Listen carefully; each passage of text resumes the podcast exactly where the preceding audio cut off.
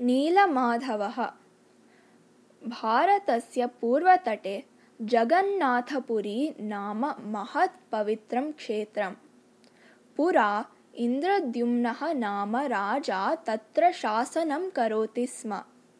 सः तत्र किञ्चन सुन्दरं मन्दिरं निर्मितवान्।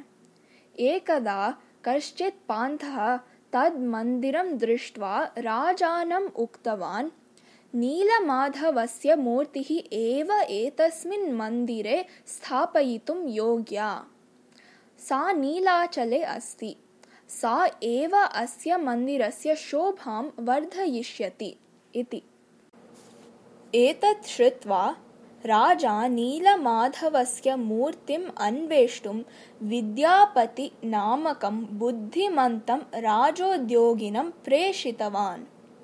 विद्यापतिः नीलाचलं गतः। तत्र शबराः अवसन्। तेषां प्रमुखः विश्वावसुः एव नीलमाधवं पूजयति स्म। सः एकः एव जानाति स्म कुत्र सा मूर्तिः अस्ति इति। अन्ये शबराः मूर्तिविषये किमपि न जानन्ति स्म। विद्यापतिः विश्वावसोः कन्यां प्रार्थयत। अहं खलु नीलमाधवस्य मूर्तिं द्रष्टुम् इच्छामि इति। तस्याः शबरकन्यायाः वचनेन एव विश्वावसुः विद्यापतिम् एकां गुहाम् अनयत् नीलमाधवस्य अद्वितीयां मूर्तिम् अदर्शयत् च। किन्तु गमनागमनकाले विश्वावसुः तस्य नेत्रे वस्त्रपट्टिकया बद्धवान् आसीत्।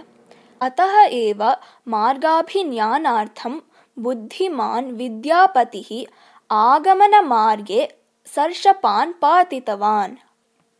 जगन्नाथपुरीं प्रत्यागत्य विद्यापतिः इन्द्रद्युम्नस्य सैन्येन सह नीलमाधवस्य मूर्तिम् आनेतुं तां गुहां गतः। किन्तु तत्र नीलमाधवः न दृश्यते स्म। एतेन राजा नितरां दुःखितः। सः ईश्वरं प्रार्थयत। देवः तम् उक्तवान् अहङ्कारेण देवः वशीकर्तुं न शक्यः। त्वं भक्त्या सत्कर्माणि कुरु। तदा एव जगन्नाथः तव मन्दिरम् आगमिष्यति इति। राजा ईश्वरभक्त्यां मग्नः अभवत्। सः शतं यज्ञान् कृतवान्। जनान् भक्तिमयान् कृतवान् ततः स्वप्ने ईश्वरः तम् उक्तवान्, अस्मिन् सप्ताहे सागरस्य तटे तरङ्गाक्षिप्तम् एकं वृक्षस्कन्धं द्रक्ष्यसि त्वं, तेन मूर्तिं कारय इति। सत्यमेव राजा सागरतटे वृक्षस्कन्धम् अपश्यत्, परं कोऽपि कलाकारः तस्य छेदनं कर्तुं न समर्थः। तदा राजा निराशः अभवत्। ततः एकः वृद्धः कलाकारः आगत्य राजानम् उक्तवान् अहं मन्दिरे स्थित्वा एव मूर्तिं निर्मास्यामि। परम् एकविंशतिः दिनानि यावत् न कोऽपि मन्दिरं प्रविशेत् इति। राजा तम् अन्वमन्यत परं सर्वे राजानं निन्दितवन्तः उपहसितवन्तः च। राज्ञी अपि तम् उक्तवती सः वृद्धः कलाकारः स्तेनः। मन्दिरे कवाटम् आवृत्य सः न मूर्तिं निर्माति अपि तु रत्नानि चोरयितुम् उपायं रचयति। इति।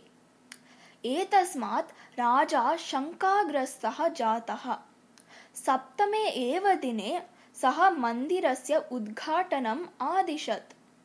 यदा सेवकाः मन्दिरम् उद्घाटितवन्तः तदा सर्वे चकिताः यतः तत्र वृद्धः कलाकारः नासीत्। सर्वाणि रत्नानि यथास्थानम् एव आसन्।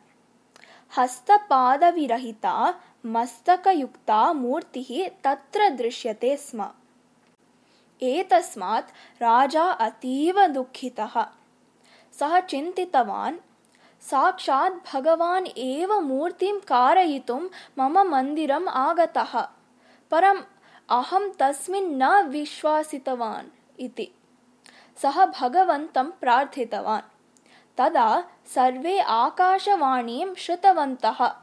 राजन् नेत्रमात्रयुक्ताम् इमां मूर्तिम् अस्मिन् मन्दिरे प्रतिष्ठापय इति। राजा तां मूर्तिं प्रतिष्ठापितवान्। सा मूर्तिः अधुना अपि भक्तान् उपदिशति।